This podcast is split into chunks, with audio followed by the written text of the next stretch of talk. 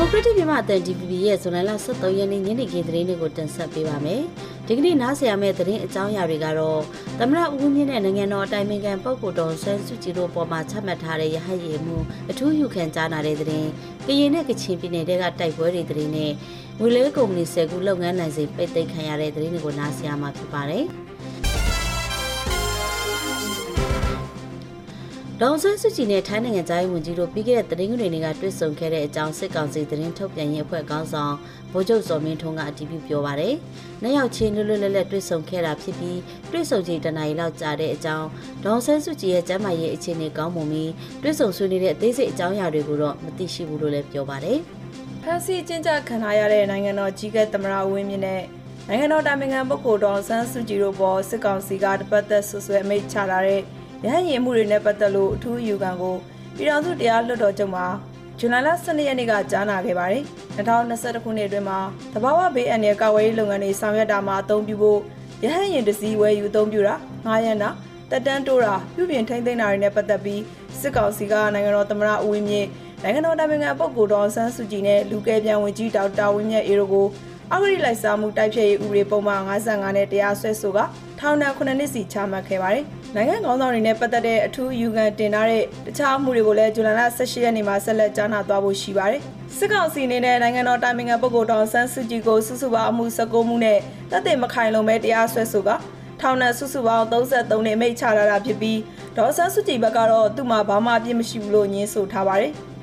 ကရင်ပြည်နယ်ကြာအင်းစိတ်ကြီးနဲ့မြဝတီမြို့နယ်တွေမှာစစ်ကောင်စီတပ်နဲ့ KNL ပူးပေါင်းတပ်တို့အကြားဇွန်လ12ရက်နေ့ထိတိုက်ပွဲတွေပြင်းထန်နေတယ်လို့ဒေသခံတွေကပြောပါရယ်။ KNU တပ်မဟာ6နယ်မြေကျုံတိုးကြာအင်းစိတ်ကြီးလမ်းမ19မိုင်နီးမှာဇွန်လ10ရက်နေ့ကတည်းကစပြီးစစ်ကောင်စီတပ်နဲ့ KNL ပူးပေါင်းတပ်တို့အကြားတိုက်ပွဲတွေဖြစ်ပွားခဲ့ရမှာဒီကနေ့ထိတိုက်ပွဲတွေဆက်လက်ပြင်းထန်နေတာလို့ဆိုပါရယ်။ ဒါအပြင်ကြာကြီးစိတ်ကြီးမြို့နယ်ပလိန်ကျေးရွာအနီးတစ်ဝိုက်ကိုဇွန်လ12ရက်နေ့မနက်7:00နာရီလောက်ကစစ်ကောင်စီကလေကြောင်းနဲ့ပစ်ခတ်ခဲ့တယ်လို့ဒေသခံတူကပြောပါရယ်။မြရီမြို့နယ်မက်ကနေကြောက်တော်နီးမှာလဲဇွန်လ10ရက်နေ့နေ့လယ်ပိုင်းကစပြီးစစ်ကောင်စီနဲ့ KNL ကော်ဘရာစစ်ကြောင်းဒေါ်လာရင်းတပ်ပေါင်းစုတို့ကြားတိုက်ပွဲတွေပြင်းထန်နေပြီးတိုက်ပွဲအတွင်းမြစ်တာလင်းမြိုင်လက်ခက်တောင်လိကီကော်တောင်ဆွဲကုန်းကနေစစ်ကောင်စီတပ်ကလက်နက်ကြီးပစ်ကူနေတယ်လို့လည်းဆိုပါတယ်။ကချင်ပြည်နယ်ဝိုင်းမော်မြို့တဲကလိုက်စာဌာနချုပ်အနီးပတ်ဝန်းကျင်က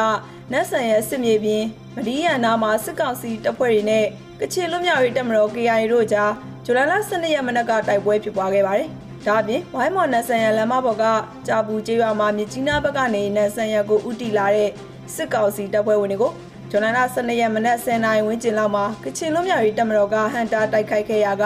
တိုက်ပွဲဖြစ်ပွားခဲ့တယ်လို့ဒေသခံတွေကဆိုပါတယ်။နန်းဆန်ရကျေးရွာနာကမဒီရပတ်ဝန်းကျင်မှာလည်း ဇွန်လ12ရက်မနက်ပိုင်းကတိုက်ပွဲတွေပြင်းထန်ခဲ့သလိုညနေပိုင်းမှာတော့နှစ်ဖက်တပ်ဖွဲ့တွေလက်နက်ကြီးနဲ့ပြန်လည်ပစ်ခတ်ခဲ့ကြတယ်လို့ကချင်လွတ်မြောက်ရေးတပ်မတော်နဲ့နှီးဆက်တဲ့သတင်းရင်းမြစ်တွေစီကသိရပါတယ်။ပြည်ပလုပ်ငန်း agency လုပ်ငန်းတစ်ခုဖြစ်တဲ့မြင့်မိုးပွင့်ဖြူ agency ကိုလိုင်စင်ရာတက်ပံပိတ်သိမ်းလိုက်ပြီးပြည်ပလုပ်ကိုင်ဆိုင်ရာဥပဒေနဲ့အမှုဖွင့်အရေးယူလိုက်တယ်လို့စစ်ကောင်စီလက်အောက်ရှိအလုပ်သမားဝန်ကြီးဌာနကထုတ်ပြန်ပါတယ်။ အလို့သမား16ဦးရဲ့တိုင်ကြားချက်နဲ့ပတ်သက်လို့အဲ့ဒီ agency ကိုရာသက်ပံပိတ်သိမ်းလိုက်တာဖြစ်ပြီး1999ခုနှစ်ကပြည်ပအလုပ်ကိုင်ဆိုင်ရာဥပဒေပုံမှန်20ခွန်ပုံမှန်29နဲ့အမှုဖွင့်ရေးယူတာလို့အဲ့ဒီဝန်ကြီးဌာနကထုတ်ပြန်ပါတယ်။အခုလိုအရေးယူခံရတဲ့မြင့်မိုးပွင့်ဖြူ agency အနေနဲ့ဘလို့လုပ်ရကြောင်းအရေးယူခံရတယ်ဆိုတာကိုတော့ရှင်းရှင်းလင်းလင်းမှဖော်ပြထားပေမဲ့ပြည်ပကိုတွားရောက်အလုပ်လုပ်ကံမဲ့သူတွေစီကနေငွေကြိုရယူပြီးအလုပ်မရှာပေးနိုင်တဲ့ပြဿနာတွေရှိနေတာကြာပြီလို့အဲ့ဒီ agency နဲ့ချိတ်ဆက်လုပ်ဖူးသူတွေကဆိုပါတယ်။လက်ရှိမှာပြည်ပကိုအလုပ်သမားစီလုတ်ခွင့်လိုင်စင်ရထားတဲ့ agency 400နီးပါးရှိပြီး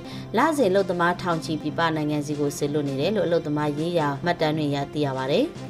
ထုတ်ပြန်ထားတဲ့မိန့်နဲ့ညွှန်ကြားချက်တွေကိုလိုက်နာမှုမရှိတာကြောင့်ဆိုပြီးဗဟိုဘဏ်ခွင့်ပြုချက်နဲ့လုပ်ကိုင်နေတဲ့နိုင်ငံခြားဝင်ဝယ်ယူရောင်းချလဲလှယ်ပေးခွင့်လိုင်စင်ရကုမ္ပဏီ၁၀ခုကိုလုပ်ငန်းလိုင်စင်ပြန်ရုပ်သိမ်းလိုက်တယ်လို့စစ်ကောင်စီလက်အောက်ခံနိုင်ငံပိုင်သတင်းစာတွေမှာဒီကနေ့ဇူလိုင်လ23ရက်နေ့မှာဖော်ပြထားပါတယ်။လုပ်ငန်းလိုင်စင်ထုတ်သိမ်းလိုက်ရတဲ့ကုမ္ပဏီတွေကိုနာမည်တွေနဲ့တကွာဖော်ပြလာတာဖြစ်ပြီးလိုင်စင်ပိတ်သိမ်းခံလိုက်ရတဲ့ကုမ္ပဏီတွေကတော့ Canon Trading, NetChain, Theory OC Trading, River Group, Global Myanmar Service, Digo Trading, Oran Image, Highwagon Travel and Tours, City Forest and Chase Travel and Tours ကုမ္ပဏီတို့ပဲဖြစ်ပါတယ်။အဲဒီကုမ္ပဏီတွေကိုလုပ်ငန်းလိုင်စင်ပိတ်သိမ်းလိုက်တဲ့အဓိကအကြောင်းရင်းကိုတော့ထုတ်ပြန်ချက်မှာဖော်ပြထားခြင်းမရှိပါဘူး။ဆီအာနာသိမ်းပြီးတဲ့နောက်တိုင်းပြည်စီးပွားရေးမတည်ငြိမ်မှုနဲ့အတူနိုင်ငံခြားဝင်တန်ဖိုးအစမတန်မြင့်တက်လာတာနဲ့ဈေးနှုန်းတည်ငြိမ်မှုမရှိတဲ့အခြေအနေကိုထိန်းချုပ်နိုင်ဖို့ဗ